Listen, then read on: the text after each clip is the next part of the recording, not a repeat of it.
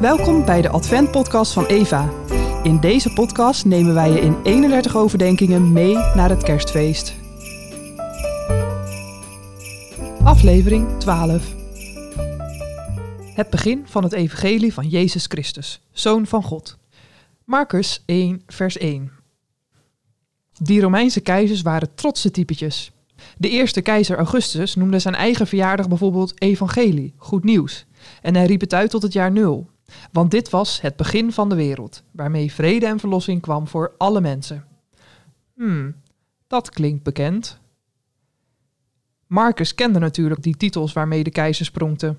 Heiland noemden ze zich zelfs, redder, verlosser. Maar Marcus gaat heel eigenwijs al die titels op Jezus plakken. Jezus, die in een uithoek was geboren en in een voerbak gewiegd. Alsof je een biografie over een onbekende keutenboer schrijft en de eerste zin is: Dit is het verhaal over de Prinsjesdag van Zijne Majesteit Boer Harm. Maar terecht, want het is nu 2019 na Christus en niet 2050 na Augustus. Die keizer die de halve wereld veroverde, hij is praktisch vergeten. Niemand volgt zijn jaartelling meer. Zijn rijk is vergaan. We noemen nog een maand naar hem en dat is het wel. Maar bij die onbekende timmermanszoon begon werkelijk iets nieuws. En hij wordt nu al 2000 jaar alleen maar populairder en heeft inmiddels 2 miljard volgelingen.